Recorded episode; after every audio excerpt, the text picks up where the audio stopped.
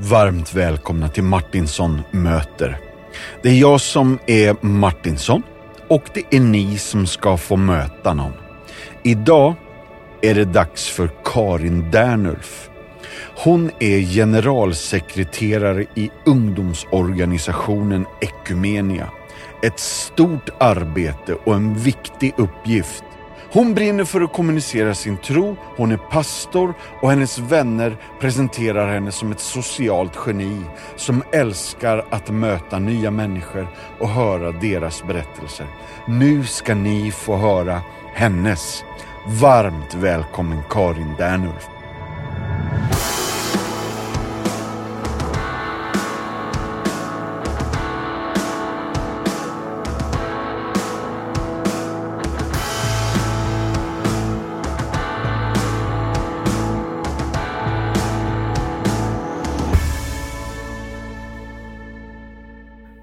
Alla välkomna hit. Alla ni som lyssnar. Men eh, framförallt är jag oerhört glad och förväntansfull på det här mötet med Karin Dernulf. Välkommen! Tack så mycket. Vad fränt att du är här. Du kommer att få chans att berätta vem du är. Men jag tänker att jag börjar med mina tio frågor först. Just det. Ehm, är du beredd? I'm ready. Ja. Om du kunde välja att göra vad som helst, vart som helst, ett helt dygn, vart skulle vi då hitta dig? Oj. Ja, nu tänker jag ju då, eller kanske möjligen påverkad av corona, inte så långt bort, utan ni skulle nog hitta mig eh, på en ö i Göteborgs skärgård. Ja. Det är dit jag längtar nu. Nej, men eh, jag kommer från Göteborg ursprungligen och längtar väldigt mycket till havet. Ju äldre jag blir, ju mer Ja. längtar jag till havet. Så eh, västkusten är nog något sånt som jag gärna skulle spendera ett dygn just nu. Ja. Bada i havet och eh, bara ta in. Det är ju så att jag bor på västkusten utanför Precis. Göteborg på en av, eh, jag säga, ovan nämnda öar. Men du nämnde ju ingen ö. Vågar du säga vilken? Ja, nu måste jag säga rätt här då. Ja. Nej, men alltså jag tycker väldigt mycket om Hönökerö, absolut. Det är Ja. det vi pratar om, eller hur? Ja. Ja, jag kanske får komma och hälsa på. Mycket välkommen. Har du någon för allmänheten dold talang? Du, ja, jag hade ju ett partytrick när jag var yngre som fortfarande funkar. Och det är att jag kan blåsa upp min mage så att jag ser gravid ut. Ja. Det var något som jag, när jag var i 12-årsåldern, kunde jag gå in på Hennes och Mauritz med den här stora kulan liksom, och personalen tittade lite på mig där på mammaavdelningen. Stackars Ja. lilla tjej. Men eh, ja, det är ett partytrick som jag har. Jag kan se gravid ut. Nu gör jag det lite efter tre barn ändå kanske. Ja, men men, jag, men jag kan spänna ut magen på så, på så sätt. Ja, det här är ett riktigt gött partytrick. Jag tackar för att du delar det här. Yes. Vad kan ha varit det värsta jobbet eller sommarjobbet som du någonsin har haft? Ja, jag har ju ett Volvo-barn. Min Ah. eh, pappa jobbar på Volvo i Göteborg, så jag Ja. har ju jobbat en del somrar på reservdelslagret helt enkelt på Volvo. Och beställt in olika bildelar. Mm. Eh, kan egentligen ingenting om bilar, men eh, har liksom suttit och bevakat eh, lagersaldo och så vidare när det gäller olika reservdelar. Det var väl mer eller mindre kul kan man säga. Ja. Men jag kan, jag funkar lite så, alltså jag älskar ju mötet med människor, så jag tyckte ju ändå att det var helt okej för att det var härliga människor som jobbar där. Just. Ehm, Så även reservdelslagret var ändå en kul plats att åka till. Ja. Men du, det var inte, det var inte så illa. Det var, det var skönt. Om du omedelbart skulle kunna bli en expert på något, vad skulle det vara? Ja, just nu tänker man ju ändå mycket på coronan. Tänk om man kunde snabbt ta fram ett vaccin som inte hade några obehagliga biverkningar och sprida det i världen. Ja, Det, det är väl det jag, som ligger liksom överst just jag nu. fattar. När det också tar fart lite igen här i Stockholm, har vi hört Ja. i veckan. Och man känner igen oro för vart det ska ta vägen. Ja. Du, ett eh, riktigt bra expertval tycker jag. Den nästa fråga är inte alls lika djup då. Men om du kunde gå med i något tidigare eller nuvarande popband, Vilket band hade du valt? Oj. Ja, här måste man ju tänka efter lite. Jag kan ju inte välja ett boyband då. Jo, men man får crasha ett boyband. Jag har det, ju ändå det är det som vuxit upp under den eran när det var mycket boyband. Men jag skulle nog, jag tänkte till lite nu, eh, The Cardigans lyssnar jag väldigt mycket på. Back in the Ja. days. Det hade jag tyckt var kul. Jättecoolt! Ja. Du och Nina Persson. Ja, det vore väl något. Ja. Och Peter heter han va? Ja. Ja, precis. Ja, visst. Ja. Oj, jätteduktig gitarrist. Mm. Mm. Ehm, har du något favoritminne från barndomen eller från tonåren som du kan dela med oss? Bara allmänt så. Ja, Oj. Ehm, vad ska man ta då? Inom någon särskild kategori? nej men du är eller? fri att välja vad du vill. Du har haft några sköna gäster som har valt somrarna. Ja. Sådär, liksom, ja men de var härliga i min barndom. Så du, är, du får eh, välja fritt. Ja, nej men... ehm, det finns ju många, väldigt många härliga minnen, men jag tänker, för mig var nog det som jag fortfarande håller på med väldigt avgörande, om jag ska svara lite seriöst, alltså läger. Eh, jag jobbar ju med det nu kan man säga, Japp. eh, på många sätt med barn och unga. Nej, men jag tänker på hur betydelsefullt det var för mig och för min tro överhuvudtaget. De här lägren när man fick liksom, för första gången erfara liksom, någonting som var större än en själv i en gemenskap med andra. Och, ja, jag har så starka minnen av att jag sitter på scoutläger i en lada och vi sjunger, jag växte upp inom Svenska Alliansmissionen, vi sjunger gamla, gamla sånger, liksom, alltså riktigt gamla sånger, om eh, att vara med i Guds armé och allt vad det var. Men det berörde mitt lilla hjärta där, liksom, som 10-11-åring på ett sätt som jag tror, liksom, ja, men alltså, det var början på min tro på något sätt. Ja. Eh, så jag tänker nog mycket de här läg lägren, sommarlägren på sommaren, det var ju väldigt avgörande tror jag för mitt liv. Jättefint. Mm. Och med den livserfarenhet som du har nu, vilket råd skulle du ge ditt 18-åriga jag? Ja, det var en bra fråga. Ehm, mitt 18-åriga jag var ganska liksom prestationsinriktad och eh, hade på något sätt fått för sig att man skulle vara ehm, en förebild och bra på mycket och så vidare. Så att jag tror liksom att det värsta som kunde hända då var att misslyckas. Och det skulle jag kanske säga till mig själv nu då, att det är inte så farligt. Och det är liksom okej att vara good enough. Ja, det tror jag faktiskt jag skulle säga till mig själv. Och det kanske jag behöver säga till mig själv även i nutid ibland. Alltså, vi gör fel ibland, det blir fel ibland, men det är det som är att vara människa. Så lite mer mercy med mig själv hade jag nog önskat att jag hade haft i den åldern. Åh, åh vilken fin grej. Bra. Eh, kan du minnas din första konsert? Och kanske den största, men inte i publikmängd, utan störst i musikalisk upplevelse. Så det är nästan det är två frågor. Ja, det är två frågor. Ja, precis, för det behöver Ja. inte vara samma. Liksom. Nej. Nej. Mitt första minne av konsert, om det nu var en del av frågan, Mm.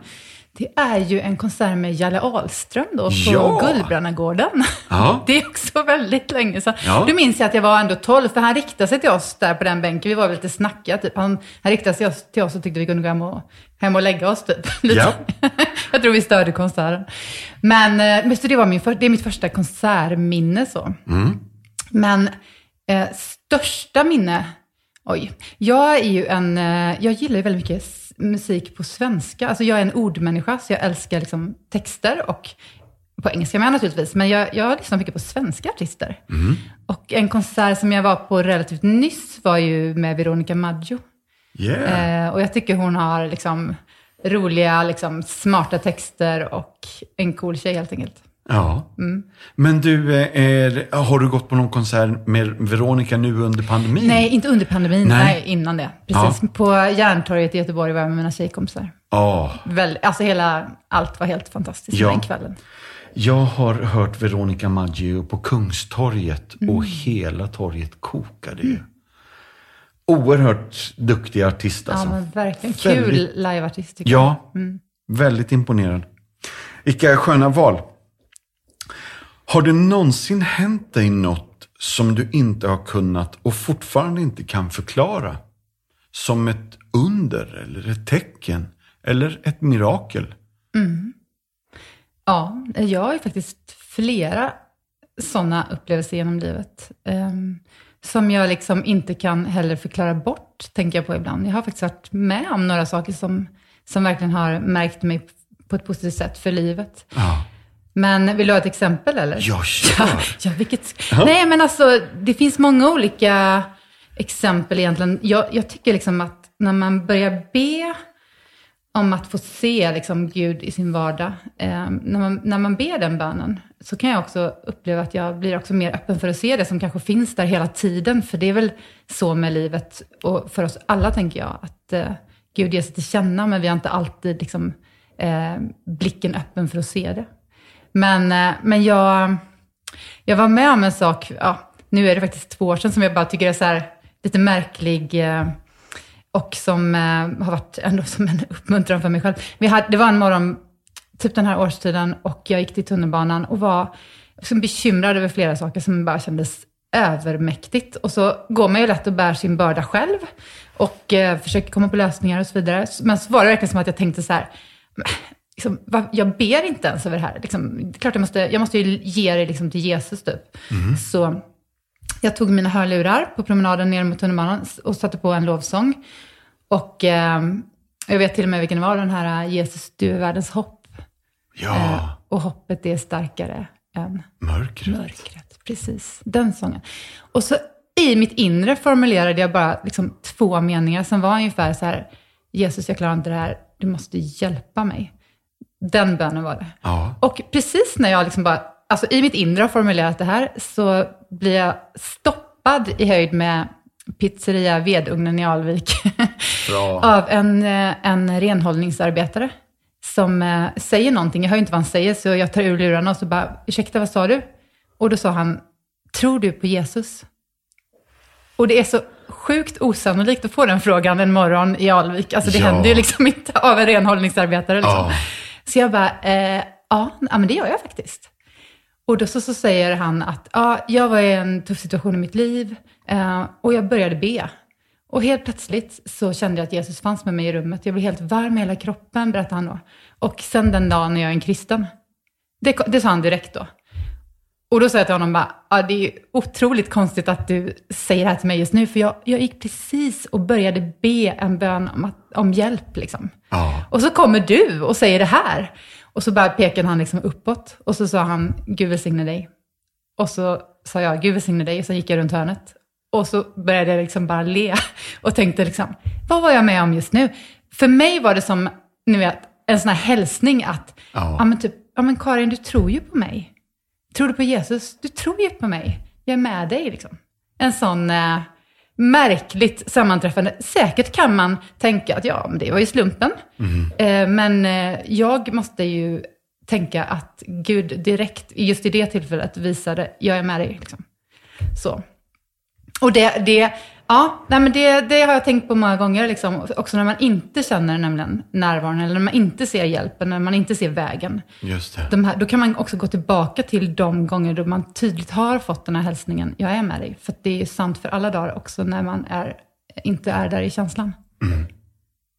Ehm, ja. Så det är väl ett sånt exempel, jag skulle kunna dra fler, men, Ja, men men det har varit en väldig uppmuntran. Jättefint. Ja.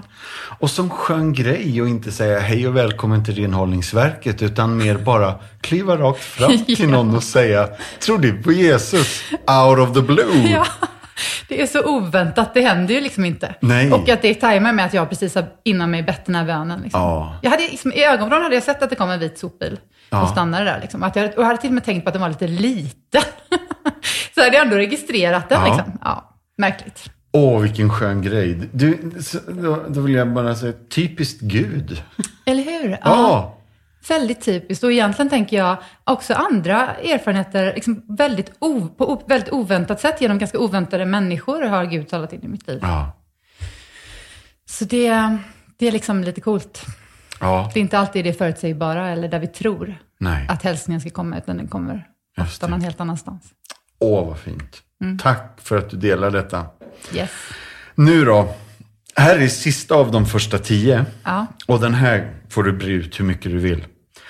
Om du kunde dela en lång trerättersmiddag med fyra individer som är nu levande eller sedan länge döda. Vilka skulle du då välja? Oj, oj, oj. Ska man tänka liksom blandningen på folk här också då, eller? Du får välja helt fritt. Det är det som är så crazy. ja, men det är ju lite kul att tänka att man kan blanda folk helt. Um, och de fick både vara döda och levande, Ja, helt enkelt. ja. Ja, men det vore ju väl, jag tycker det vore ju väldigt spännande att göra en riktig blandning på folk där. Jag skulle gärna, jag skulle tycka det var väldigt spännande att träffa nuvarande påven. Ja. Så det skulle jag nog ändå välja. Ehm, och eh, skulle man blanda det med någon spännande... Och sen skulle jag tycka det var väldigt kul med Greta Thunberg också. Eh, och de skulle ju gilla varann om man nu ska tänka att det ska bli en bra kombo. liksom, middag. Jättebra. Eh, men så skulle det vara kul att... Man skulle kasta in ett wildcard i det där ändå.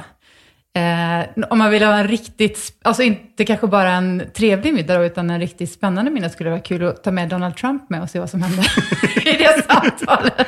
Greta, Donald och påven, nu har du en till.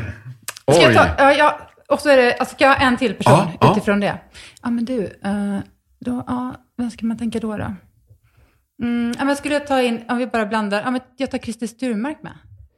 Eh, en spännande vinkel på Ja. samtalet. Jättehärlig kombo alltså. Eller hur? Det skulle Ja. kunna vara väldigt intressant i alla fall. Och jag är ju lite som person, jag tycker det är superkul med olika typer av människor. Och, och eh, eh, i sådana samtal fungerar lite så här brobyggande emellan människor. Ja. Så jag tror det skulle kunna bli trevligt trots väldigt olika utgångspunkter. Du, det här är jag nästan övertygad om. För allt detta som du nu sa de sista sekunderna säger dina vänner om dig också. Mhm. Du är en brobryggande. Ja, någon av de första grejerna är att Karin är ett socialt geni, säger folk. Vem har du pratat med? livsbejakande. Nej, men det kan jag ju inte säga. Man får inte avslöja sina källor. Nej. Ja, men du. Jättespännande kombo av människor. Greta, påven, Trump och Christer Sturemark och Mm. Karin Dernolf är värd. Ordförande med klubban där. Att Nu påven är det Christers tur att prata. Jättefint alltså. Du, om... Eh, har jag förstått rätt? Är det Karin, Rebecka, Margareta? Som sitter där. Ja, det Så är det, stämmer. va? Ja, visst, precis. Ja. Och växte upp i Göteborg. Ja. Ehm, vilken skola var det? Ja, eh, jag gick högstadieskola gick jag i Tynneredsskolan. Ja, Eh, som ju eh, i Västra Frölunda. just det. Som nu, om jag förstått det rätt, är stängd. Det var ju rätt stökigt redan på min tid Japp, där. Och sen har det fortsatt. japp, Men eh, kyrkan som jag var med i också, då, Palkyrkan, lig- låg också i det området. japp. Så jag rörde mig ganska mycket i det området helt enkelt. På högstadiet ska Ja. sägas. Men skolan är inte stängd på grund av dig, utan Nej. det är andra anledningar. jag tror inte det i alla fall. Men det var lite spännande, för där gick jag på högstadiet. Sen när jag gick gymnasiet så gick jag på Sigrid Rudebecks gymnasium, som Ja. ju är en då halvprivat och lite en helt, helt annan typ av skola. Ja. Så jag tror eh, att jag lärde mig ganska mycket på att finnas i väldigt olika miljöer. Ehm, faktiskt. Just det. Olika klientel liksom. Ja. Och du fick skjuts av pappa? Jag fick skjuts av pappa, det stämmer.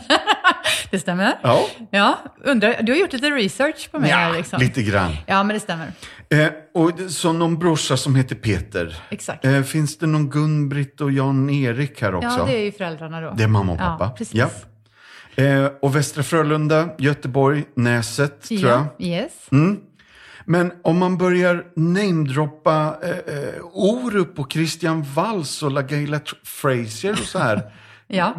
de kommer långt senare. De kommer långt senare i mitt liv, ja precis. Ja. De, eh, de är, vad ska jag säga, ja, det är just när jag flyttade till Stockholm som jag Just träffade det. på dem, kan man säga. Ja. Och det är via din man Marcus kanske? Exakt. Japp. Min man då har ju länge varit låtskrivare och producent. Ja. Så via honom har jag träffat många spännande människor helt enkelt. Du har pluggat till beteendevetare och personvetare i grunden va? Ja, personalvetare. Just Precis. Mm. Det stämmer. Så det var det jag hade tänkt jobba med. Ja. Eh, sen blev det en annan väg. Men, Ja. men det är min grundutbildning. Och, och samtidigt är det inte jättelångt ifrån det man gör eh, inom kyrkan. Nej, jag tänkte säga det. Och det är ju också väldigt nära din personlighet. Ja, För du är ju väldigt intresserad av människor och satt ihop en riktigt spännande middag här. Ja. ja, ja men absolut. Så det, det tycker jag är så mycket glädje i det jag fick med mig från den utbildningen. Ja. Och an, använt mycket liksom i det Ja, som jag gör nu. fattar. Mm. Jättecoolt. Någonstans i den här vevan så jobbar du som ungdomsledare i fyra år någonstans. Mm. Vart var det? I Centrumkyrkan i Sundbyberg var det. Så jag hade börjat gå dit, jag och några kompisar. Och Ja. hade inga planer på att någonsin jobba i församling. nej. Men han som var ungdomspastor drog med mig i en grupp med bara tjejer då, som hade, han hade hand om. Eh, han var väldigt smart, det här är faktiskt ett tips. Han bjöd ut mig på fika, frågade om jag ville engagera mig och sen sa han, du den börjar den här gruppen om fem minuter, du kan väl i alla fall hänga på och bara hälsa på då. Just det. Och då var jag ju fast. Ja. Och det blev ju egentligen början till att jag gör det jag gör idag. ja. Och det här är när du är i 20-årsåldern i Stockholm Ja, 97, eller? Ja, det är lite senare är det nog, jag är nog 25 typ nästan. Okej. Ja. Yeah. Sen har jag någon notis om att du har läst någon evangelikal apologetisk bibelskola i Kanada. Ja, vilken rolig benämning. Ja, Ja. men, ja, jag gick en bibelskola efter gymnasiet som hette Fackelbärarna. Det låter ju väldigt eh, Jaha, i annorlunda Holsbybrunn. kanske. Ja, precis. Så den gick jag fast i Vancouver, eller Vancouver Island, Mm. ut, utanför Vancouver. Ehm, vilket var en spännande upplevelse på många sätt. Jaha. Eh, och jag fick ju med mig jättemycket gott därifrån, Ja. verkligen. Mm. När var det här nu då? Ja, men nu, nu... Det här måste ju varit då typ ja, men 97, 98, 99 någonstans. Japp. Yes. Ja. Så det var några år du var där? Nej, nej, Nej. det är mer att jag inte blir osäker Nej, på när det. jag var där. Jag Ja. var där ett år. Ja, men det är bra. Ja. Ungefär. Ja. Men sen har du pluggat teologi här i Sverige också. Ja, så efter, under min utbildning då till personalvetare så läste jag på Credo-akademin ett år. Mm. Eh, som ju också var apologetik och ehm, den finns ju inte kvar nu, men i alla fall eh, då. Just. Jättebra för mig när jag var i universitetsmiljö att få också liksom argument för min tro och ehm, när man finns liksom i hela den universitetsvärlden så tyckte jag att det stärkte mig. Just det. Ehm, så det gjorde jag ett år också. Och någonstans, vill du säga något mer där? Nej. Nej. Någonstans i den här vevan så är det en kille som böjer sig ner och knyter dina skor. Och så tänker du, Ja, ja, Men typ, det, det är helt sant. Vi hade varit någonstans ett helt gäng och vi var nere i Kungsträdgården vid isbanan där eh, och tittade på några vänner som åkte skridskor. Och då var det en kille som jag böjde sig ner och knöt med skor. Jag vet inte om det var själva rörelsen där att han gick ner på knä som gjorde att jag bara, "Nej, men vänta nu, yeah. han kanske det är. Ja, Så, så började det ja. med eh, Marcus som sen jag gifte mig med. Men knöt han dina skridskor? För det är lite trixigt. Nej, det var Nej, faktiskt mina skorna. skor hade Ja. gått upp. Ja. Mm. Det hade varit mer romantiskt om det var skridskorna. Men Ja. det var ändå det var någonting romantiskt som hände där helt plötsligt. Ja, men det förstår jag. En kille som böjer knä framför Ja, eller hur? Och det är den ovan nämnde Marcus.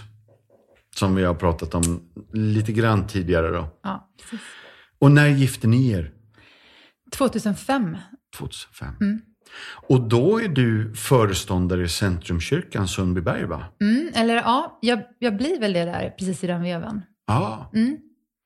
Eh, det var någon som till och med hade idén, jag nämner inga namn, att skulle vi inte kunna göra det under vigseln, att vi också gör någon slags avskiljning för den här tjänsten. Jaha. Men då var det någon annan som tyckte att nej, det är väl ingen bra idé ändå, brudklänning och allt. Det, finns, eh, ja, det var bara en tokig idé från något håll Ja. helt enkelt. Ja, ja. Men så blev det inte. Men Nej. det var en, efter det faktiskt. Just det. Ja. Ja. Och där jobbade du i åtta år. Ja, men precis. Så sammanlagt var jag 12 år i Centrumkyrkan, men jag var föreståndare i åtta Just år. det, Mm. just det. Och nu då är vi framme vid där du jobbar nu. Mm. Sen 2015, i augusti, Mm. Så har du jobbat som generalsekreterare på Mm. eh, Ekumenia. Och jag ska strax be dig berätta vad det innebär, men jag minns din första styrelsehelg. För då var din pappa med och sjöng en sång. Ja, Ja, det är ju så speciellt. Jan-Erik tog min gitarr. Ja, Ja, kan inte du bara berätta om det här? Ja, nej, men det kan jag göra. Det var ju så att jag var ju med då med min lilla bebis. Jag var ju föräldraledig, men skulle ändå vara med Just på styrelse. Så därför var mina föräldrar med för att ha hand om det här barnet.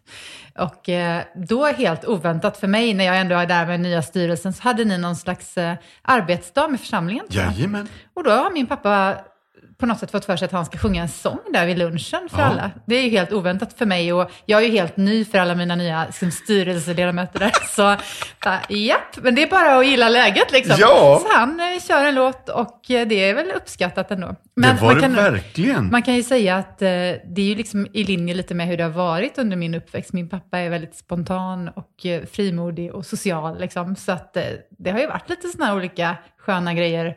När han hämtade mig och mina kompisar på fester på gymnasiet så hade han förberett en kristen låt i bilen som han spelade upp. Då var det ofta Roland Utbult, det bästa vinet har jag smakat av, ur min mästares hand och så vidare. du. Så han är liksom, han, han har alltid varit en, över, en person som överraskar. Eh, bjuder på sig själv helt enkelt. Underbart. Fy vad gött att du drar den här storyn också. Nu ska vi ta en liten paus i samtalet. Ni ska få höra lite om Compassions arbete. Och det här handlar om rent vatten till utsatta barn. Compassions kyrkpartner förmedlar rent vatten till barn i ett samhälle där 90 procent av befolkningen inte har haft tillgång till det. För ingenting slår ju den första munnen med uppfriskande, kallt, klart vatten från kranen. Men tänk dig då att behöva gå i tio minuter för att hämta brunt vatten från en brunn och sedan behöva bära hem de här tunga vattendunkarna igen varje gång du behöver något nytt att dricka. Så ser verkligheten ut för David 7 och 9-åriga Eddies familjer. De kommer från Momostenango i Guatemalas västra högland. I deras samhälle så var rent vatten en långt avlägsen dröm. Eftersom dricksvattnet kom från floden och de flesta hus har inte ens elektricitet. Eduardo säger, jag skulle så gärna vilja slå på duschen och ha varmt vatten. Jag visste inte att det fanns, tills en kompis från skolan sa till mig att en varmdusch, det är ju fantastiskt. Adelso är den enda i familjen som har jobb. Han arbetar som skräddare och hans jobb har påverkats hårt av pandemikrisen. Utöver det måste han upp till fyra gånger om dagen avbryta sitt arbete, göra resan ner till floden för att hämta vatten till sina nio barn. Eftersom ett av samhällets största problem är bristen på rent vatten så kopplade Compassion ihop sitt arbete med Living Waters, en ideell organisation som ger tillgång till rent vatten. Living Waters donerade ett vattenreningssystem, utbildade personal i att driva det och inledningsvis så såldes vattnet till samhället väldigt billigt. Men när pandemin drabbade så införde regeringen utegångsförbud och begränsningar som innebar att familjer inte kunde besöka centrat eller köpa rent dricksvatten och det tillkom också stora extrakostnader. Vi vidtog omedelbart åtgärder och började leverera vatten gratis till alla familjer som ingår i Compassions fadderskap. De får matkassar och två eller tre vattendunkar på 20 liter per dunk så att de kan använda vatten till att dricka och få bättre möjlighet till god hygien. Barn som David och Eddie är lyckliga över att ha tillgång till rent dricksvatten. Jag blev så glad när pastorn och Compassion-folket kom och tog med sig vattendunkar till oss. En av de här dunkarna är större än de som min pappa tvingades bära och det betyder att vi har mer vatten nu, säger Eddie. Vattnet som pastorn tar med sig smakar annorlunda, för det smakar ingenting, säger David. Och vattnet vi brukar dricka från floden smakade som aska. Tack för mitt nya vatten, säger David. Vill du bli en fadder till ett barn som Eddie eller David, som finns med i Compassions arbete? Just nu är behovet av nya faddrar mycket stort. För 310 kronor i månaden så understödjer du ett fadderbarn holistiskt, vilket innebär att vi jobbar på fyra sätt. Med ekonomisk hjälp, mat, kläder, skolavgift med mera. Fysisk hjälp, vaccinationer och hälsokontroller, sport och fritidsaktiviteter. Social hjälp. Våra centran fylls av kärlek och omsorg och uppmuntran till varje barn. Den sista av de här fyra är andlig hjälp. Vi sticker inte under stolen med att vi gör det vi gör i Jesu namn. Så därför har vi åldersanpassad söndagsskola med sång, bibelundervisning och så vidare. Vill du bli en compassion-fadder? Gå in på vår hemsida compassion.se. Signa upp dig idag och bli fadder till ett barn. Har du redan ett fadderbarn? Fundera på om du ska våga ta ett till. Compassion.se Berätta, vad, vad innebär eller vad, vad är det att vara generalsekreterare och vad är Ekumenia? Precis. Eh, Ekumenia kan jag börja med då, mm. är ju Ekumeniakyrkans barn och ungdomsorganisation, som faktiskt är den största kristna barn och ungdomsorganisationen i Sverige. Ja. Och eh, vi liksom finns över hela landet och att vara generalsekreterare för Ekumenia handlar ju väldigt mycket om att hjälpa lokala sammanhang att göra bra, säker verksamhet för barn och unga. Um, och själva titeln fick jag ju själv googla typ, alltså i, i samband med att jag fick det här jobbet. Vad är det? Liksom generalsekreterare. Men jag kan nog säga att jag har gjort, jag har liksom format det efter mig själv också. Uh, för i början hade jag varit lite mycket betoning på sekreterare, tyckte jag. Ja. Och jag är kanske inte den bästa sekreteraren, utan jag har liksom fått mer nu komma ut liksom i församlingar och föreningar och möta liksom människor och nätverka med andra i civilsamhället och ja, sånt som jag tycker är viktigt och roligt. Och eh, nu är det någon annan som skriver styrelseprotokollen som jag skrev när jag var ny, eh, men nu gör någon annan det bättre än mig. Så man, lite så här kan man säga, den titeln alltså, påverkas nog av vem som har rollen. Men det handlar helt enkelt om att man leder Ekumenia. Ja. Ekumenias arbete.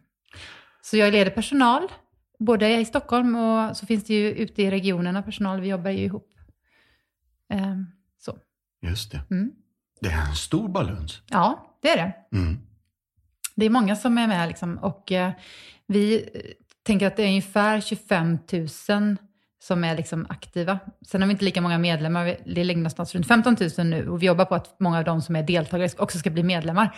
Men, uh, men det är många som berörs av Ekumenias jättemånga. Inte minst då inom, eh, vi är stora inom scout till exempel. 10 000 av våra medlemmar är scouter. Men sen är det mycket annan verksamhet som är kör och liksom idrott och internationellt arbete. Och, ja, Åh, vad mycket. häftigt. Mm. Jättespännande. Karin, Ekumenia-rörelsen, hjärtefrågor eller dina hjärtefrågor, vad jobbar ni med nu? Mm. Nej, men, eh, vi jobbar ju väldigt mycket med att alla ska känna sig välkomna eh, i Ekumenia. Mm. Och det är olika grupper då man kan fokusera på naturligtvis. Men bland annat så jobbar vi nu mycket med att möta barn med särskilda behov mm. eh, på ett bra sätt. Och vi har till och med en utbildning som heter Alla barn är lika olika som vi kör med våra ledare och som är väldigt både efterfrågad och uppskattad. Så. Mm. För att eh, det är nog ändå så att en del barn som inte passar in eller tycker sig passa in helt i, i annan verksamhet som fotboll och liknande söker sig till ja, med scouterna eller våran verksamhet överhuvudtaget. För vi vill ju liksom att alla ska kunna känna sig välkomna så. Och jag känner, jag har väldigt mycket hjärta för de barnen som ofta i skolan får vara med om att känna sig som ja, men den jobbiga ungen. Typ, liksom. Då tänker jag så här, Tänk om vi som kyrka liksom kan vara bäst på att ta emot liksom varje barn och på något sätt möta dem utifrån de de är. Eh, och då utrusta våra ledare i att göra det på ett bra sätt. Mm. För när man tänker så här, när Jesus pratar om de minsta, vilka är det då? Den frågan brukar jag ställa mig ibland. Vilka är det i vårt samhälle? Och bland annat tror jag att det är de här barnen eh, som har de här osynliga handikappen som det ändå handlar om. Och inte blir förstådda utan istället ofta missförstådda och eh, stigmatiseras i en negativ självbild.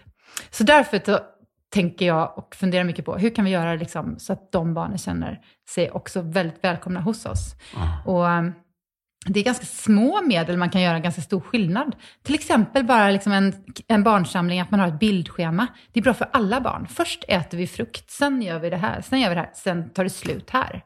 Alltså man vet vad som vänt, väntas den här kvällen då. Och liksom också en förståelse för att man kan behöva dra sig undan ibland. Det kan bli för stimmigt, för hög ljudvolym. Alltså att bara att ledare har liksom en grundförståelse för att ba barn är liksom olika och har lite olika behov. Det är ju något som jag brinner mycket för. Och eh, ju mer kunskap jag får om det, ju mer inser jag att det går att göra ganska mycket för att alla ska känna sig hemma och välkomna. Ja, superviktigt. Och det handlar ju inte bara om barn vill jag säga. Det gäller ju även vuxna, liksom, att, Mm. att liksom möta människor utifrån dem de är. Ja. Och det finns ju många fina exempel på det med hur liksom killen som aldrig riktigt kände sig hemma i söndagsskolan sen visade sig vara väldigt intresserad av ljud till exempel och fick bli ljudtekniker i kyrkan på gudstjänsterna. Och, ja, men det finns så många sådana, liksom, om vi bara liksom, eh, öppnar ögonen så tror jag att vi kan hitta så fina vägar för att ge barn eh, en god självbild och självkänsla och att de får känna att de är älskade som de är. Ja. Jag menar, det måste ju vara vårt mission, eller hur? ja, men så är det ju. Ja, jättefint. Tack. Så jag tror att det är Gullbrannafestivalen som kortfattat har försökt att beskriva dig med en, alltså beskriva din närmiljö med en mening. Och då har de skrivit en man, tre söner, två ökenråttor och ett gäng akvariefiskar. Ja, precis. Det Ja, stämmer. Det stämmer. Det stämmer, ja. ja. Underbart. Tack Gullbrannafestivalen för den kortfattade familjebeskrivning. Två ökenråttor, får vi några namn på dem? Ja, de heter Ines och Agnes. Jag gav dem mat precis innan jag åkte hit faktiskt. Det låter ju väldigt äckligt kanske för någon med ökenråttor, men de är jättesöta. De är vita, liksom, alltså päls, det är ingen nakensvans eller så, utan de är ja, som små hamstrar. De är väldigt bra om man är allergiker och det är ett av mina barn. Så det är därför vi har just ökenråttor och akvariefiskar. Ja.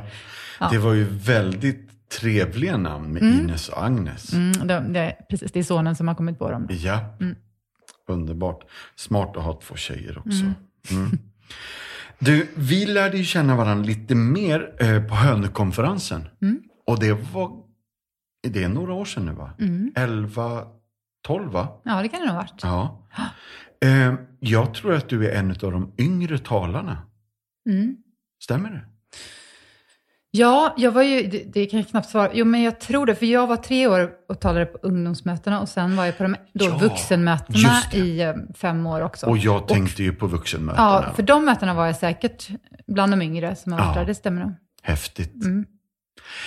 Av flera anledningar, men dels att du är, är kvinna och generalsekreterare för Ekumenia nu sedermera.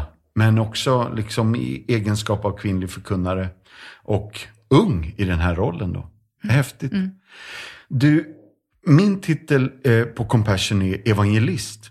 Jag vet att det här ligger eh, liksom på ytan i din gåvomix också. Kan inte du bara berätta lite om det? Ja, nej men ehm, det är väl på något sätt något som andra egentligen har sagt till mig och så inser man att ja, men det, det är nog sån jag är liksom eh, född. säga. Nej, men, människor har ju alltid varit mitt element och eh, jag tycker verkligen att det finns liksom inget mer spännande än att, än att prata med människor, olika typer av människor och också detta att prata om livets liksom, eh, ja, djupare frågor helt enkelt. Och jag, jag tänker på det eh, ja, men dels åker jag mycket tåg i mitt jobb, åker runt liksom i Sverige. Och så ofta man hamnar i samtal med människor. Eh, självklart har man lite fusk så här, för att man jobbar inom kyrkan och den frågan kommer ju ganska tidigt. Vad jobbar du med? Och sen så kommer man in på ämnet.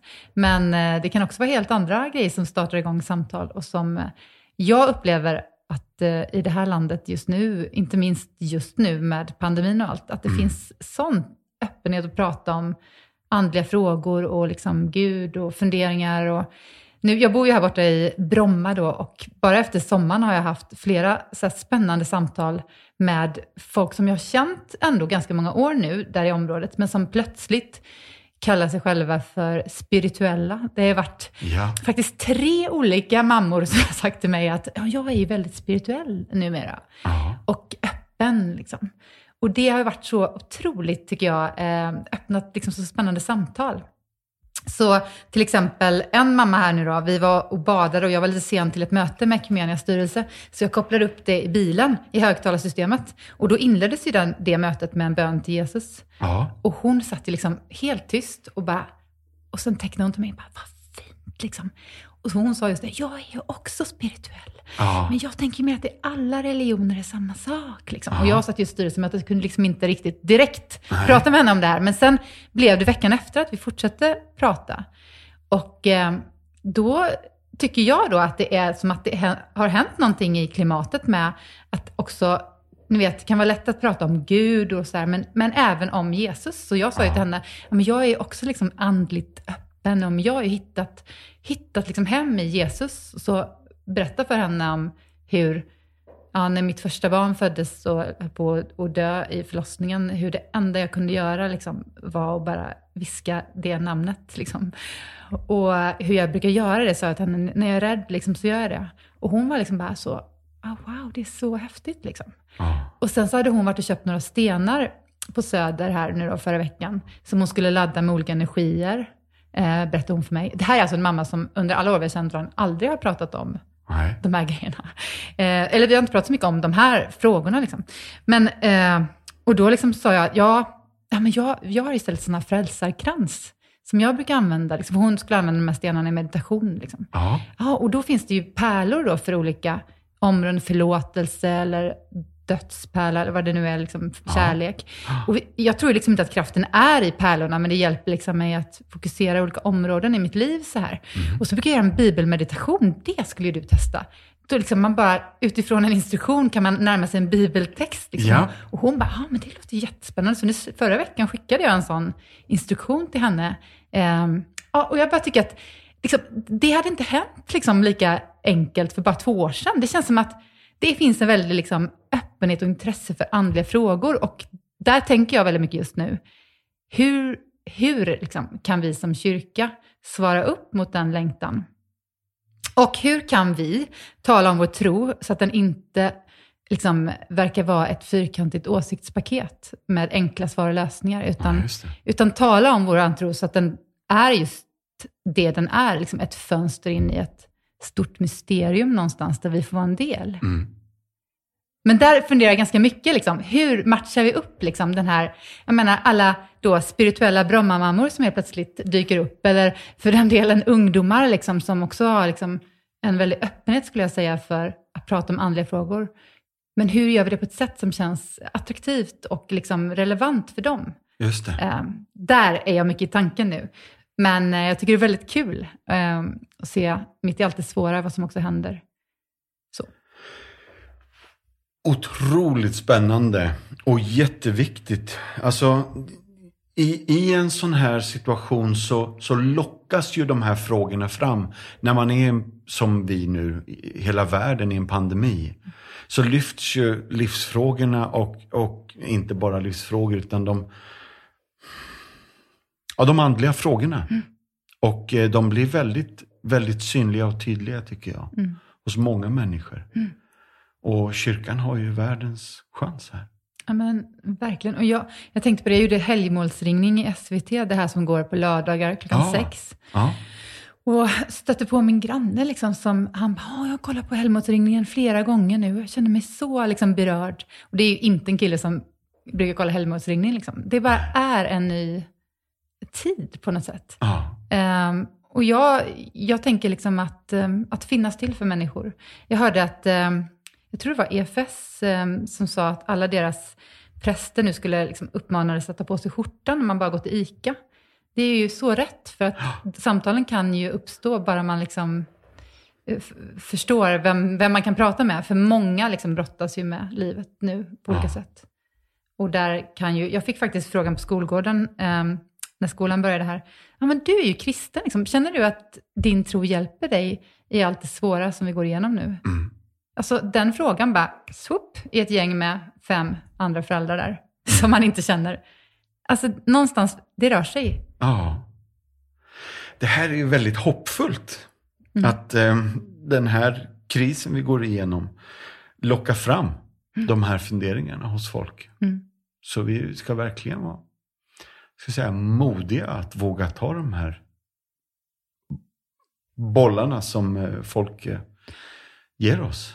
Ja, jag tänker det med. Och det, men det jag tror är viktigt är ju liksom att någonstans våga samtalet, där man också frågar den andra tillbaka. Ja, men vad tänker du då? Liksom? Om man får frågan om, tror du att det finns något efter döden? Liksom, så kan man svara själv. Och sen så, jag har som en slags tumregel att alltid också fråga tillbaka, så här, vad tror du? Så att man får ett samtal, en dialog mer än en monolog. Ehm, Just det. det tror jag är så viktigt. Och också, det är också min erfarenhet från livet, att det inte handlar om att ha alla svaren, utan man kan också få kämpa med både livet och sina frågor som kristen och blotta det för en annan person. Ehm, för att eh, jag tror liksom att när vi är människor för varandra på riktigt, Ja. det är då vi kan mötas. Just det. Och det är väl det som, som blir eh, kontaktytan mellan dig och henne. När du berättar för vem det nu var här eh, att eh, det här namnet Jesus eh, var det enda jag kunde viska i den här krisen. När bebisen var nyfödd och vi visste inte hur det skulle gå. Alltså, det kan ju hon identifiera sig med, den känslan av, av hjälplöshet inför hur mitt barn mår. Eh, och att i det läget då presentera Jesus som, eh, som det hoppet som du förankrar dig, dig i. Det, för, det, för det kan ingen heller ifrågasätta. Nej, precis. Det tänker jag väldigt mycket. Den egna berättelsen kan ju ingen ta ifrån en. Nej, Det man själv har varit med om. Sen kan man ifrågasätta med argument och allt det där. just det. Det är väl kanske därför jag mer och mer ändå tror på att eh, alltså, ja, dela livet. Och ha, dela livet med vänner som inte delar ens tro är jätteviktigt för mig själv och förhoppningsvis för den andra personen också. Att, att liksom våga mötas som människor och inse att vi har ju det mesta bara gemensamt. Och en längtan efter det gudomliga, något som är större än oss själva. Ja, det är bra. Ja, vad spännande. Jättegött. Jag höll på att säga amen igen. Jag, jag gör ofta det på slutet i den här podden. Men du, Karin, när du åker på semester så har det regelbundet blivit så att du hamnar i en kyrka eller ett kloster eller ett kapell. Eller, stämmer det? Det stämmer. Jag undrar nu vem du har pratat med innan här, för det är ju lite så att de som har semester med mig är ju nästan trötta på att vi ska stanna i varenda kyrka och gå in. Ja, men Det är verkligen sant, så. alltså. Ja, ja. Mm. Så är det. Nej, men Ja. jag, jag, älskar de miljöerna. Liksom. Bara få titta in och... Alltså, det är någonting med liksom, alla människor som genom åren har bett i det här kapellet. Alltså, någonting av det där tycker jag är så mäktigt. Ja. Ja, Favoritländer, favoritkyrkor? Favor... ja nej, men jag är väl ingen kyrkoexpert vill jag inte påstå, men jag, jag älskar ju verkligen Italien. Ja. eh, Och har varit mycket i Italien. Ja. Och jag har varit i ett kloster som heter Båse, Mm. eh, som har betytt jättemycket för mig. Jag har varit där två gånger och sen i en filial till det där klostret också en gång. Ehm, så den miljön, det är nära Milano, Mm. har ju varit, eh, ja, det har liksom gett mig väldigt mycket. Och, också möta eh, kristna från olika traditioner. Ehm, har ju liksom, jag tycker det har varit så befriande. Det har man ju genom livet upptäckt mer och mer, att vi är många och vi betonar lite olika saker, men vi har väldigt mycket gemensamt. Ja. Det finns någon frihet i det som jag gillar väldigt mycket. Ja, jättehäftigt. Du, om, om jag säger ordet magsjuka, vad säger du då? Roligt att du säger det. Tycker ja, det? Nej, men det är ju en sån grej som faktiskt är en liten fobi i mitt liv. Ja. På riktigt faktiskt. Jag har ju extrema problem med att ta hand om mina barn när de är magsjuka. I andra lägen så försöker jag vara en bra mamma, men just då, eh, nej men det är jättesvårt för mig Ja. faktiskt. Eh, det är på nivån att det, ringde ett program från P1 till mig och hade fått tips om mig. Ja, vi gör ett program om fobier, skulle du vilja vara med? Bara, ehm, Okej, liksom. Men jag känner att det finns ju mycket värre fobier än den och det var också mitt Just svar. det. Liksom. Det, här är liksom, det finns ju sådana som påverkar livet lite mer. Men det är ju ändå så att om någon skulle säga här inne nu att jag har mått lite illa igår, då skulle ju väldigt mycket av min energi gå till att undvika att ta i samma grejer som den personen. Ja. Så, så att jag behöver ju jobba med detta. Och det har lite att göra med att jag har vid några tillfällen när jag själv varit sjuk svimmat av. Så det finns ju någon sån här rädsla som är Just det. Alltså faktisk. Jag vet Ja. inte vad som är hönan och ägget där. Nej. Men eh, ja, det är inte en favoritsituation i mitt liv, magsjuka. Det är det ju inte för någon. Men jag Nej. bara hörde att den var eh, extra angelägen Ja. för dig. Det stämmer. Du, vi på Compassion vill ju utrota fattigdomen i världen. Mm. Det är vårt största mål. Och det är anledningen varför vi jobbar med fadderskap. Du jobbar ju med en jättestor organisation som jobbar på flera liknande sätt. Ehm, om du bara skulle ta några minuter och utveckla. Jag vet att frågan är jättestor och jättekomplex. Men vi vill ju förändra våran värld. Och vi vill ju utrota fattigdomen i den. Om du är våran Bono här nu då och får några minuter. Kan du hjälpa oss på vägen? Ja du, eh, nej men eh, jag tror ju att den frågan handlar väldigt mycket om skolgång för barn och unga. Yeah. Alltså utbildning verkligen för att Ja. kunna ta sig vidare i livet. Ja. Och ehm, jag tänker inte minst på flickor eh, Mm. när det gäller just detta också, som inte har samma möjligheter i många länder. Mm. Och det vet jag nu också med pandemin. Det man säger nu är ju att många liksom tas från skolorna och de, det man är orolig för är att de som inte kommer tillbaka är, är flickorna. Som antingen gifts bort för familjens ekonomi eller bara behöver helt enkelt jobba hemma eh, mer. Ah. Så det ser, det ser ju många som en risk nu efter pandemin. Hur kommer det gå med just det?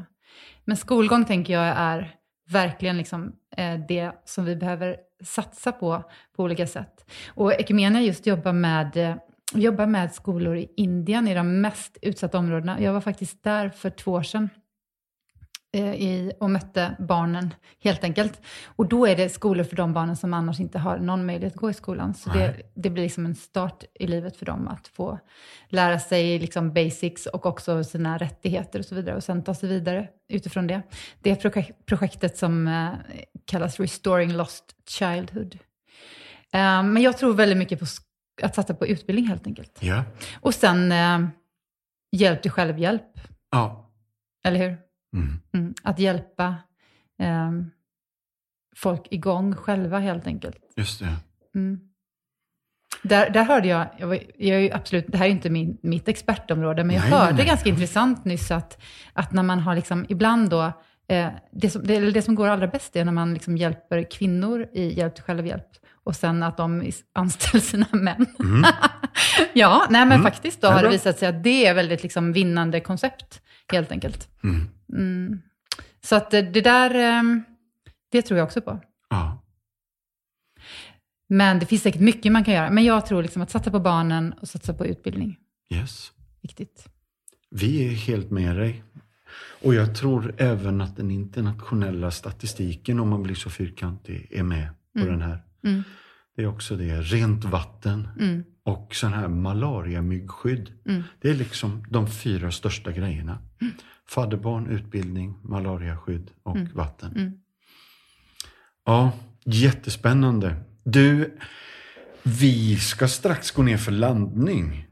Men är det någonting som du tänker att, nej men nu sitter jag ju i Martinsson möter. Är det något jag vill säga till gästerna som lyssnar eller är det någon life story som, hur kommer det sig att han inte tog upp den? Oj, oj, oj. Nej, men... eh, ja, du, jag har ju levt hela 43 år nu, så det finns ju många stories man skulle kunna dra här. Men... Nej, men jag tror bara att jag... eh,